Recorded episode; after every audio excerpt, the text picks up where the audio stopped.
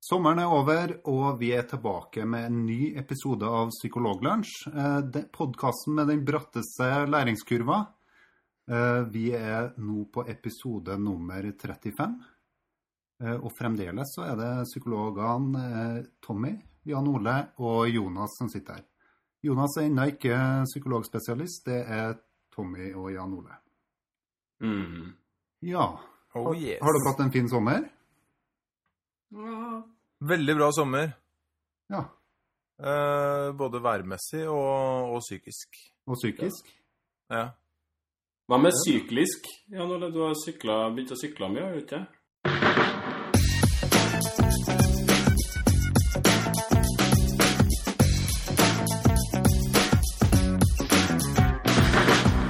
Du hører på Psykologlunsj, populærvitenskapelig lunsjprat med psykologene Tommy, Jonas og Jan Ole.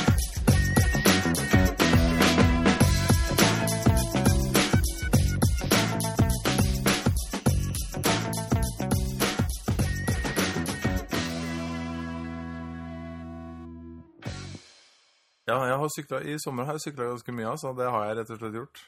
Og det har vært, eh, vært veldig behagelig. Og vi har gått på toppen av et fjell. Det, Så alle som, eh, alle som har lyst til å Ja, det har vi. Og alle som har lyst til å sjekke ut den turen, kan uh, søke etter Jan Ole Hesberg på Strava.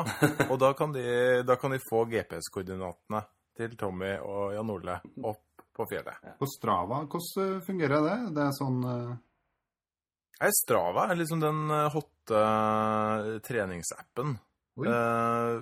Primært tilrettelagt for sykling og løping, Ja. men uh, også mange andre. Og mye sånn topp eh, sånn idrettsutøvere der. Du kan følge med. Ikke så mye på Malvik-bussen, Jonas. Nei, jeg, jeg har jo noe som heter Runkeeper, og den, eh, Ja. den gir jo meg sånn, eh, sånn type oppdateringer hele tida om at nå begynner det å bli en god stund siden du har løpt. Og det er jo ikke noe rart, for jeg har jo ikke brukt det, og aldri brukt den. Men jeg lasta den ned, da. En, en dag rett etter nyttår. For sånn godt nyttårsforsett. Hmm. Ja, nei, vi har tre saker i dag, vi. Og det første er en nyhetssak som en Tommy har lyst til å ta opp. Ja, jeg kom over noe som var ganske morsomt. Det kan være dere har hørt om det, jeg vet ikke. Men eh, det, det er sikkert mange av dem som hører på, som ikke har hørt om det. Det var du, eh, du har, Vi har jo snakka i en episode tidligere om det her med sånn oppmerksomt eh, fravær, som du har snakka om, Jonas. Hva, hva, hva var det i en sånn kortversjon? Hva er det for noe? Nei, det, det er egentlig det å evnen til å kunne drømme seg bort. Ja, eh, og, og tenke på sine ting. og ikke og, og være litt sånn alene med tankene sine, sant? Ja, og egentlig skape litt rom for å være alene med tankene sine. Ja. Det er da altså i eh, den studie som nettopp har blitt publisert i eh, tidsskriftet Science, som, eh, som har undersøkt litt om hvordan det går med folk når de er alene med tankene sine, som var veldig morsomt. Ehm, det, var, det var sånn at Først så, det, var en rekke studier, jeg tror det var ti totalt, da. Men først så var det sånn at de, de bare lot folk få være et sånn kvarters tid alene inne på et rom. Uten noe stimuli. De tok ifra dem mobiltelefoner og alt mulig. Og så fikk de bare instruks om at de skulle bare være der og ikke gjøre noen ting. Bare kjede seg. Og så sjekka de om hvordan, eh, hvordan det gikk med folk, om hvor Blant annet undersøkte de om hvor ubehagelig det var da, å være alene med tankene sine. Og det syns folk egentlig var ganske ubehagelig, da. Det syns ikke jeg var så veldig bra. Uh, syns det var ganske kjipt. Og så hadde de masse variasjoner av det her studiet, da, der de henta inn forsøkspersoner fra forskjellige plasser. For at det, oftest er det jo bare sånn studenter, sant. Mm. Men de henta noen fra, noe, ei- fra ei, sånn, eh, kirke og fra et sånt eh, grønnsaksmarked og litt sånn forskjellig, sånn at de hadde litt sånn forskjellige folk, og i forskjellige aldre. De hadde folk helt opp til 77 år, da. Og så sjekka de om eh, eh, Hvis folk gjorde det hjemme i huset sitt i stedet, hvordan det gikk, da. Og det var akkurat det samme. Altså, folk kjeda seg veldig mye. Og når de var i huset sitt, så medga de at de også juksa en god del, da. De heller satt og surfa på telefonen, eller at de, at de hørte på musikk eller noe sånt. da. Mm. Um, og så oppi det her så var det da en del personer som ble spurt uh, om Det ble presentert for en del uh, de, de, Altså, de det ble vist en del sånne behagelige stimuli, og så ble det fortalt om en del ubehagelige stimuli, sånn som eh, altså noen vakre bilder, og så var det det her blant annet det her med å gi Eller det å få et støt, et lite elektrisk støt. Mm. Og så ble det spurt om hvor mye penger hadde du ville ha betalt, enten for å se det hyggelige stimuliet igjen, eller for å unngå å bli utsatt for det negative stimuliet. Mm. Og da har du da altså en del folk som har sagt at de ville ha betalt penger for å unngå å få et elektrisk støt. Og så satt de da de her folkene igjen, da. Her tror jeg det var det siste versjonen av studiet, da, versjon 10. Så setter de da de her folkene eh, i det samme kjedelige rommet igjen og ber folk om å kjede seg. Og så sier de at eh, hovedpoenget er at du skal bare kjede deg. Men hvis du har veldig lyst, og du ikke, og du ikke plager deg, så får du lov Her har du en sånn maskin, så kan gi deg sjøl et elektrisk støt. Eh, og da viste det seg da at eh, det var det ganske mange folk som eh, gjorde. De ville heller gi seg sjøl et elektrisk støt enn å være alene med sine egne tanker og bare kjede seg. Ja. Eh, til og med da de her folkene som da altså i utgangspunktet ville betale penger for å unngå eh, unngå å, å få et støt, da. Eh, og det var da altså så mye som Jeg tror det var to, ja, to tredjedeler av mennene valgte å gi seg sjøl et støt. Eh, mens bare en fjerdedel av kvinnene, da, og én forsøksperson valgte i løpet av et kvarter å gi seg sjøl 190 støt.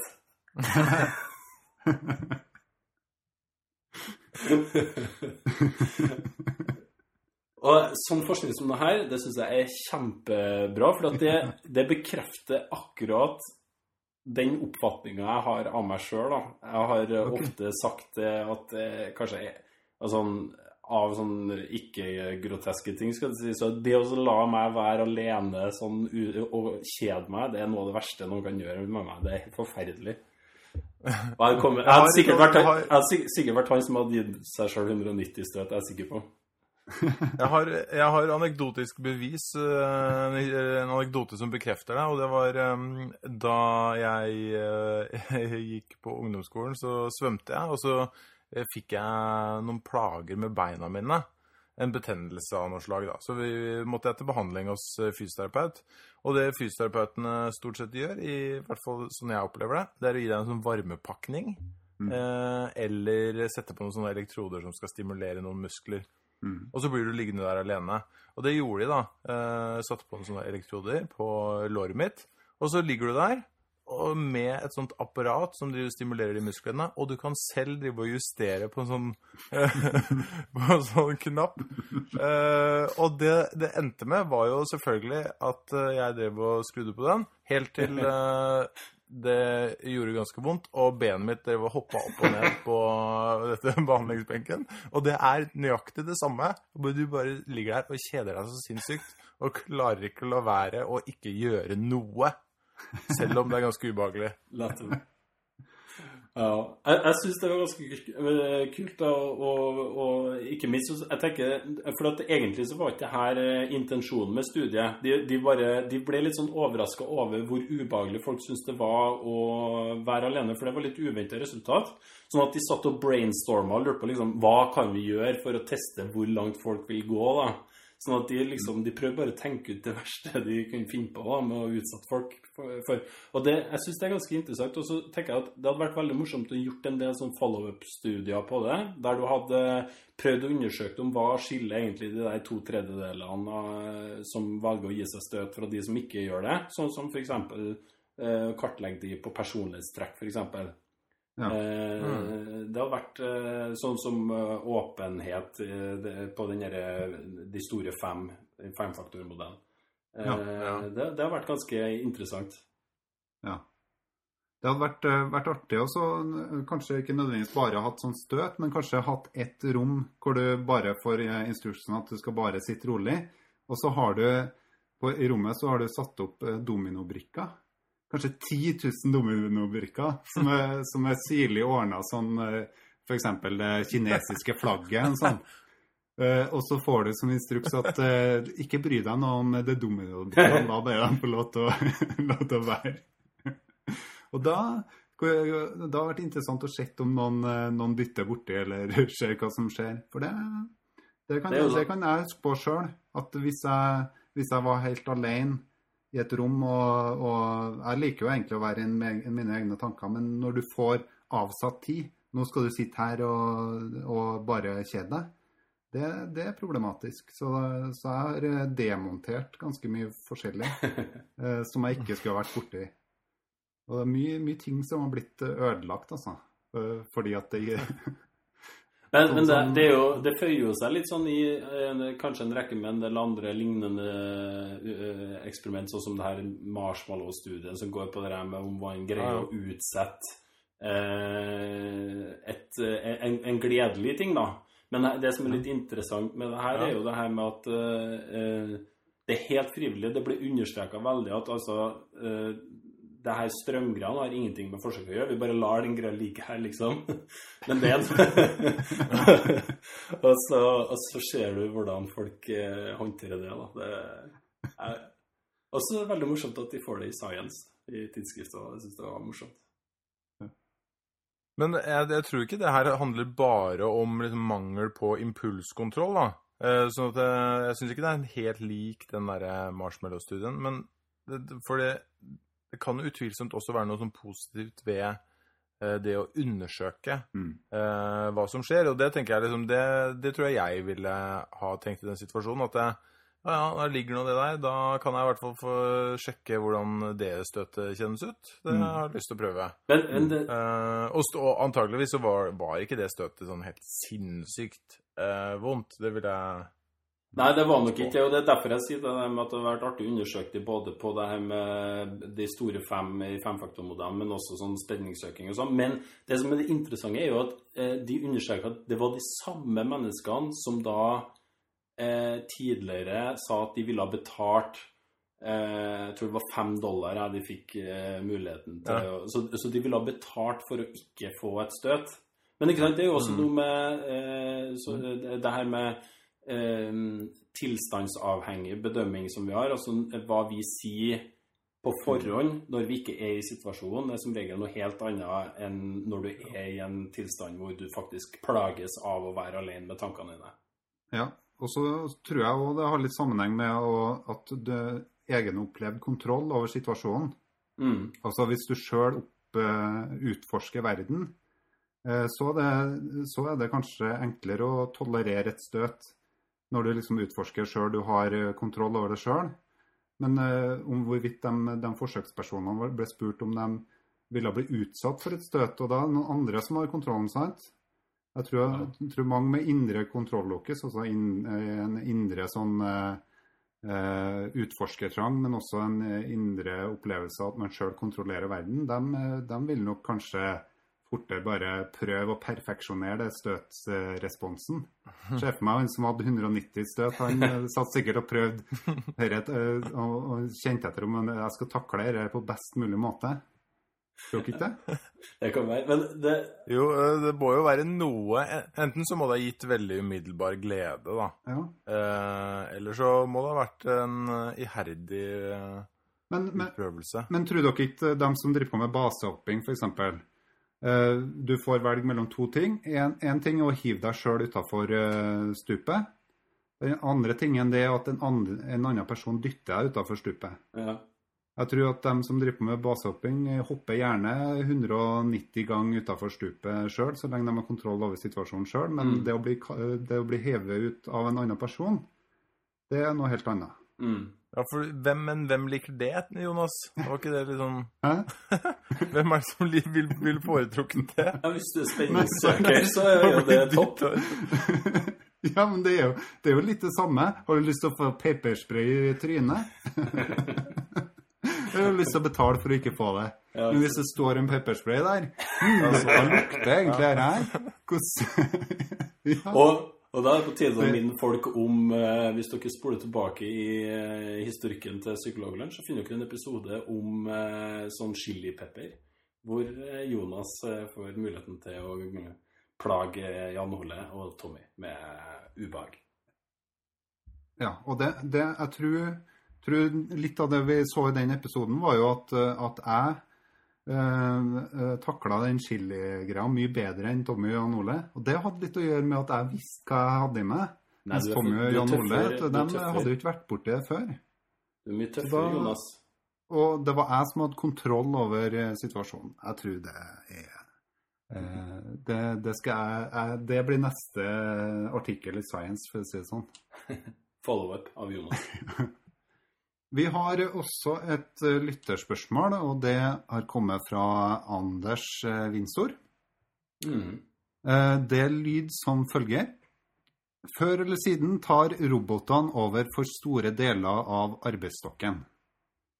Hva med å diskutere arbeid og lediggang sin effekt på folk? Er lediggang roten til alt ondt, eller er det bare en gammel sannhet som ikke er bygd på så mye? Mm. Hmm. Interessant. Eh, det er et bra spørsmål, og eh, jeg har, jeg kikka litt på det, da. Eh, eller det er sikkert veldig mange måter å besvare spørsmålet, men jeg fant et studie som jeg mintes at jeg hadde hørt om, som jeg gravde fram igjen, som var ganske interessant, som jeg har prøvd å referere til av og til når at, jeg har havna i diskusjoner om det her med pensjonsalder. Mm. Det er da sånn at det er en gjeng med, med forskere som fikk en gavepakke av et forskningsdesign i, i hendene i det eh, Østerrike innførte noen sånne nye regler på når du kunne gå av med pensjon. Der det var ulike regioner i landet som kunne eh, velge å gå av med pensjon tre og et halvt år tidligere enn andre regioner, hvis du ønska. Som gjorde at man fikk da et, eh, eh, en, et helt land omtrent da, som hadde ulike regioner, der folk da kunne gå av med pensjon i ulik alder. Eh, og det som var litt sånn oppsiktsvekkende med det de undersøkte, var det at, eller det de fant, det var det at dersom du velger å gå av med pensjon ett år tidligere enn det du Altså hvis du velger å gå av med pensjon ett år tidligere enn det du ville ha gjort ellers, så risikerer du å forkorte livet ditt med 1,8, nesten to måneder. For hvert år du går av med førtidspensjon, så forkorter du livet ditt med nesten to måneder. Men det gjaldt bare menn, da. Eh, og det her var sånn blue collar eh, workers, altså, eh, ar, altså arbeidere da, som jobba på fabrikker og forskjellig sånn manuelt arbeid. Hmm. Men det var ganske Men- interessant.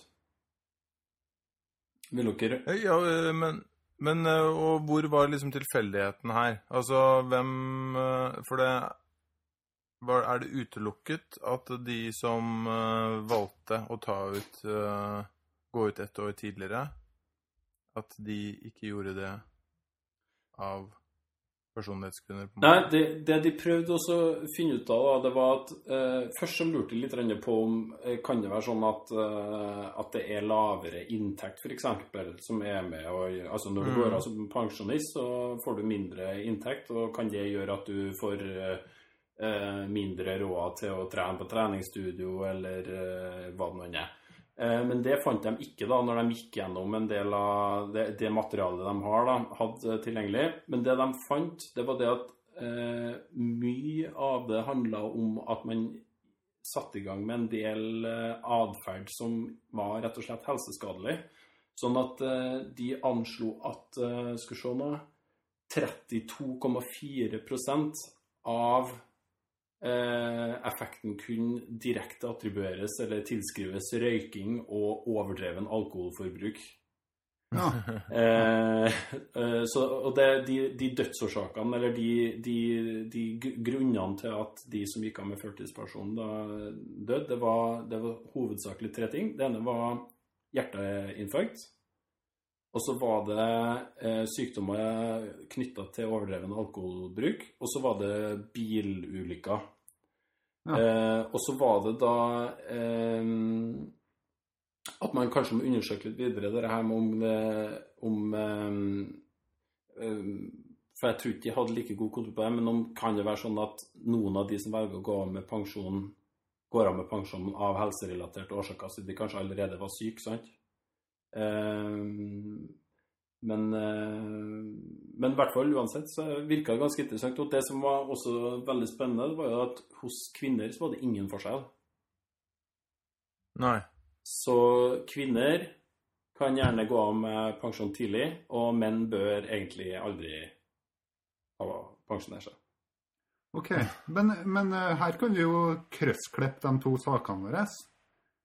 For Ja. I den forrige, forrige saken så snakka du om at, eh, at eh, menn som blir satt for seg sjøl uten noen oppgaver, eh, men med en gjenstand foran seg som kan være skadelig, de eh, har større sannsynlighet for å røre den tingen som gjør skade. Mens kvinner nødvendigvis ikke gjør det samme. Så, så kvinner har kanskje en større evne til å til å ha et eh, eh, mer rikere indre liv, da kanskje, eller eh, være i, være i selskap med seg sjøl. Mm. Mens menn kanskje eh, Hvis det ligger da en 20-pakning på bordet, eller hvis det, hvis, det, hvis det står et barskap ved siden av, så er det fort gjort at Ja. man, eh, at man eh, havner på skråplanet. Eller et bilbatteri med sånne elektroder som du kan sette på ting. Ja, men eh, Men det er, Ja. jeg tror ikke det er noe dårlig hypotese, Jonas. Nei. Uh, uten at vi kan si at det stemmer, så jeg tror jeg ikke det er noe dårlig hypotese, faktisk. At, uh, eh, at i situasjoner hvor hverdagen kanskje plutselig blir litt tommere enn det man hadde forventa seg, Mm. det er antageligvis er det mye som tyder på i alle fall at menn er mer sårbare for å Mm. eh, begynne med skadelig, helseskadelig aktivitet. Da. Ja, jeg ser for meg at det er litt sånn, ikke sant, idet du blir pensjonist og du er veldig glad for det, så kanskje man i starten så er litt sånn Ja, nå skal jeg gjøre det og det, og så, og så går det kanskje et år eller to, og så får du gjort kanskje mye av det, og så blir det på en måte mye drikking og røyking og alt det der, da. Ja.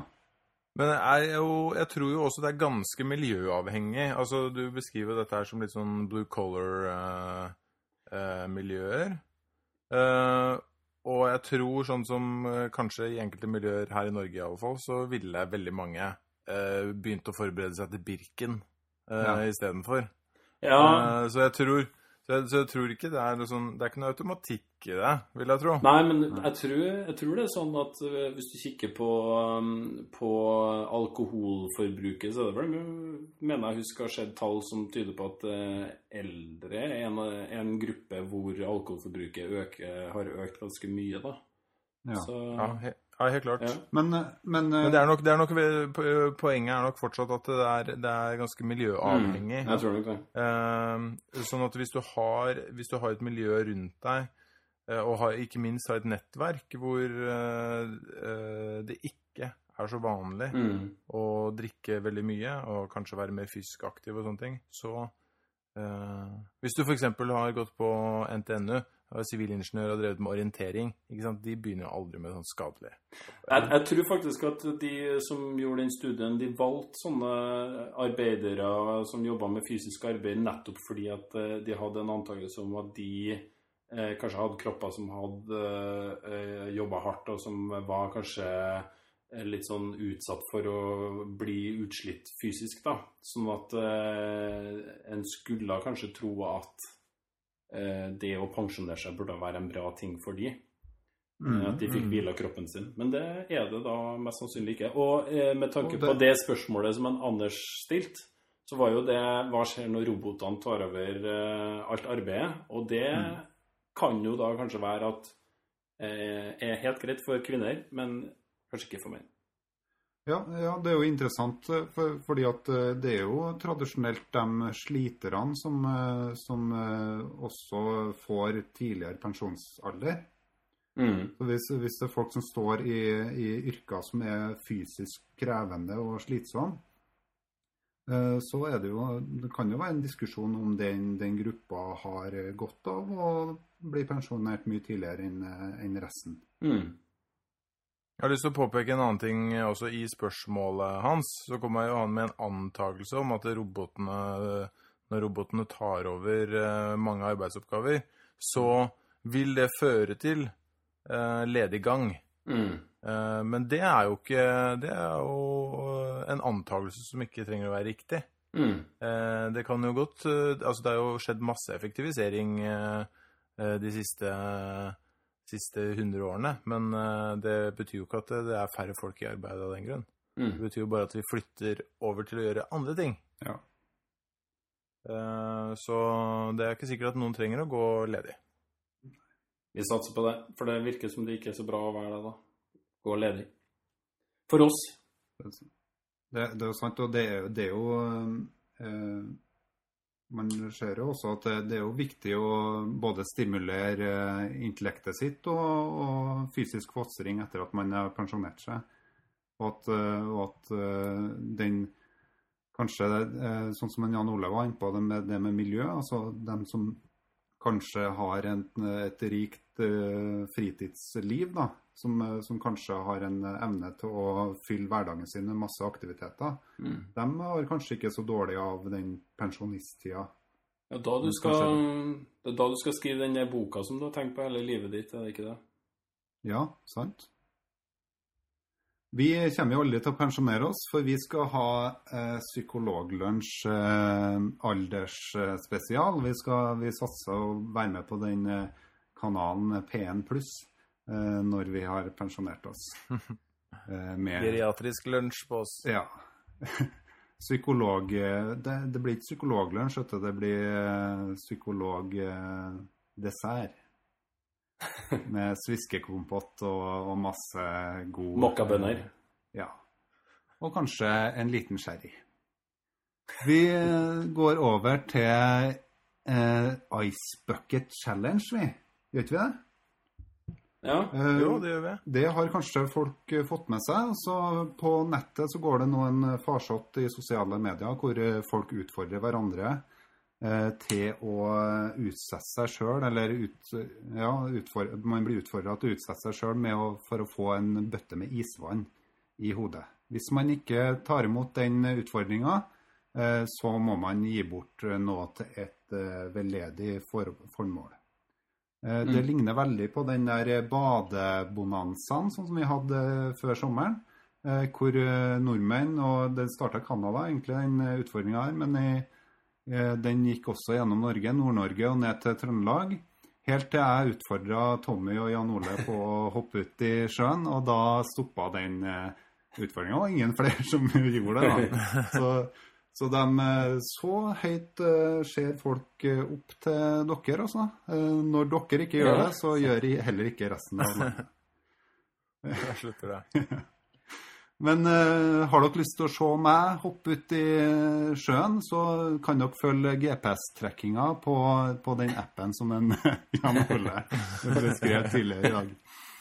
Uh, ja, vi har litt om eh, Ice Bucket Challenge òg, for det er ikke nødvendigvis sånn at eh, at det å bli utfordra på enten ta et bøtte med isvann i hodet, eller gi penger til et veldedig formål, gjør at eh, gjør at vi nødvendigvis gir mer til det formålet. Kan ikke dere eh, forklare meg litt mer om det? Nei, altså Det er eh, en artikkel som er skrevet av en som heter William McAskill, eh, som eh, jobber med innsamlingsaksjoner. Og han har kommentert denne Ice Bucket Challengen i eh, USA. da. Den har samlet inn nå tre millioner dollar til eh, eh, en ALS-forening. Og han eh, forteller det at eh, han har gjort undersøkelser på dette selv, og han sier at eh, når det blir gitt masse penger til en sånn ting, så gir folk mindre til andre ting. Mm. Det er kanskje ikke sånn kjempesjokkerende at uh, det er jo, For det er jo en litt sånn begrensa mengde penger vi kan gi. Mm. Uh, men han har funnet ut at når, når han tar inn én dollar til sine formål, så betaler folk eh, ca. en halv dollar mindre til andre ting Mm. enn de ville ha gjort ellers. Ja. Eh, helt naturlig eh, at eh, det er akkurat sånn, men det han eh, også beskriver her, eh, det er noe som kalles eh, eh, moral licensing. I, eh, på, i, på psykologispråket. Altså det faktum at når folk har betalt eller gitt penger til uh, veldedighet, eller gjort noe de mener er edelt, uh, så har de en tendens til å bli litt mindre edle etterpå. Mm. Eh, Det har seg nemlig sånn at eh, vi da kanskje føler at vi har litt eh, god samvittighet, og tillater oss selv å gjøre en del andre, kanskje litt fælere ting. Og det har de gjort flere forsøk på allerede. Og det denne forfatteren poengterer, da, er at når vi setter i gang sånne kampanjer som det her, som, hvor man kan betale en liten sum penger, og føle seg liksom tilfreds, så er det en ganske dårlig deal. Det vi heller bør, få, eh, fordi da vi kan risikere at folk blir litt eh, mindre moralske etterpå. Mm. Så vi bør heller jobbe for å få folk til å strebe mot eh, altruisme over lengre tid, da, eh, er hans eh, innspill. Mm. Mm. Jeg, jeg syns jo det er litt sånn Det er jo en del sånne ehm, om, om det går på det samme, det vet jeg ikke, men jeg tenker litt det der med uh, I USA så har jeg eh, lest litt om det der med det, det, det enkelte subkulturer eller enkelte grupper hvor man da Hvor foreldre er veldig på det her med at, at uh, at barn skal, eller ikke barn, men ungdommer skal på en måte love at de ikke har sex før de gifter seg. Og sånne studier er alltid veldig, eller det er alltid veldig morsomt å se hvordan går det med sånne ting. Så man tenker liksom at her har, nå har man liksom forplikta seg til noe som er bra, alt med sånt, og så man kikker på det, så går det egentlig ganske dårlig, da. Eh, Med de som, eh, med de som eh, sier at de sverger til at de ikke skal ha sex for ekteskapet. Eh, Det, det er kanskje ikke helt det samme, men det her med sånn moral licensing, ikke sant? Det at du, det at du på en måte kanskje kjøper deg Kjøper deg fri, på en måte, fra å Ja, ja. fra, Mm. ja. Og det, jeg vet ikke, det var jo ganske nylig en eh, episode av podkasten Freakonomics som hadde tittelen 'Does religion make you happy?' ja. Ehm, og der så de eh, også blant annet på, på det her, da. Og det de fant, det de hadde funnet ut der i noen studier, er at det er en negativ korrelasjon, en negativ sammenheng mellom hvor mye penger du betaler til menigheten din, Mm. eh, og hvor ofte du går i kirka. Stemmer det. Eh, sånn at, eh, og eh, det de mener er jo at det med betalingen kommer først, sånn at du betaler mer penger, og så tenker du etterpå at eh, ja, nei, nå har jeg betalt, så da trenger jeg ikke gå i kirka. Mm. Men når man spør folk i utgangspunktet, så tenker man jo ganske automatisk at de som eh, investerer mest penger i, det, i menigheten, også er de som går dit oftest. Men eh, sånn er det ikke. Mm. Og de som går dit ofte, de tenker kanskje ja, jeg er jo her, så jeg trenger kanskje ikke å betale så mye. Mm. Mm. Så vi, vi handler nok litt sånn, og da, da er jo poenget til forfatteren av den artikkelen var nettopp det at eh, da er det veldig dumt å gi folk muligheten til å hive seg på sånne lettvinte løsninger hvor de bader eller bare gir, betaler en liten sum penger. Eh, De slipper for billig unna, og, og da blir det vanskelig for gode, eh, store organisasjoner å samle inn bra med penger og få stabile eh, givere. Fordi de, folk kjøper seg ut ved sånne enkle eh, ting som det der. Og da må jeg bare understreke det faktum at eh, du, Jonas, du bada, Mm. ikke sant? Eh, Tommy ga penger, Ja. mens jeg jeg, jo ikke, jeg gjorde jo ingen av delene. uh, og det, kanskje da, ifølge denne artikkelen her, så var jo det det lureste å gjøre. Hvis ikke så hadde jeg bare blitt uh, moralsk forderva, sånn som dere. Det blir år og dag til neste gang jeg gir til veldedighet etter jeg gjorde det der. ikke sant? Du må vente på det rette. Ja, jeg- vet ikke hva Jeg vet, jeg vet ikke hvilken type moral eh, det ble skapt at jeg eh, gikk og bada ute i sjøen, men, eh, men, eh, men eh, det kan jo hende jeg ble mer kynisk med meg sjøl etterpå. Jeg syns at, eh, at nå hadde jeg gjort nok fysisk fostring, eh, så nå kan jeg stappe i meg eh, tre snickers hver dag i, etterkant. Ikke sant? Og det er derfor, er derfor Runkeeper uh, maser på deg. Ja, det er nettopp Fordi du Fordi du kjøpte deg fri med den, med den svømminga. Og samme sommer som Jan Ole avsto både fra å gi penger til veldedighet og, og ta den badeutfordringen, så har han sykla som aldri før. Er det tilfeldig? Neppe. Nei, det er sant. Neppe, ja. Ikke sant? Ja. Så ikke hiv dere med på sånne badeutfordringer eller eh, andre typer ting eh, i framtida. Eh, det vil ikke føre til noe godt. Heller ikke legge ut bilder av barføtter og vinglass. Takk. Da er vi vel ved veis ende med programmet. Vi kommer tilbake igjen om to uker. Nå skal ikke vi ha noe mer ferie igjen. Nå kjører vi på som vanlig. Takk for oss.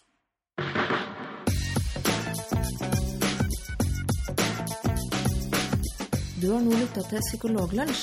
Har du noen spørsmål, kan du søke opp Psykologlunsj på Twitter, eller du kan sende en e-post til psykologlunsj alfakrøll gmail.com. Mer informasjon om temaet du har hørt i dag, finner du på psykologibloggen.no og tankesmed.no.